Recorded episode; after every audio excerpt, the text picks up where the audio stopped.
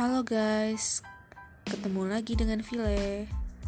Hari ini aku mau cerita banyak hal yang mengarah pada satu konteks, yaitu aku bukanlah orang yang beruntung, tapi orang yang diberkati.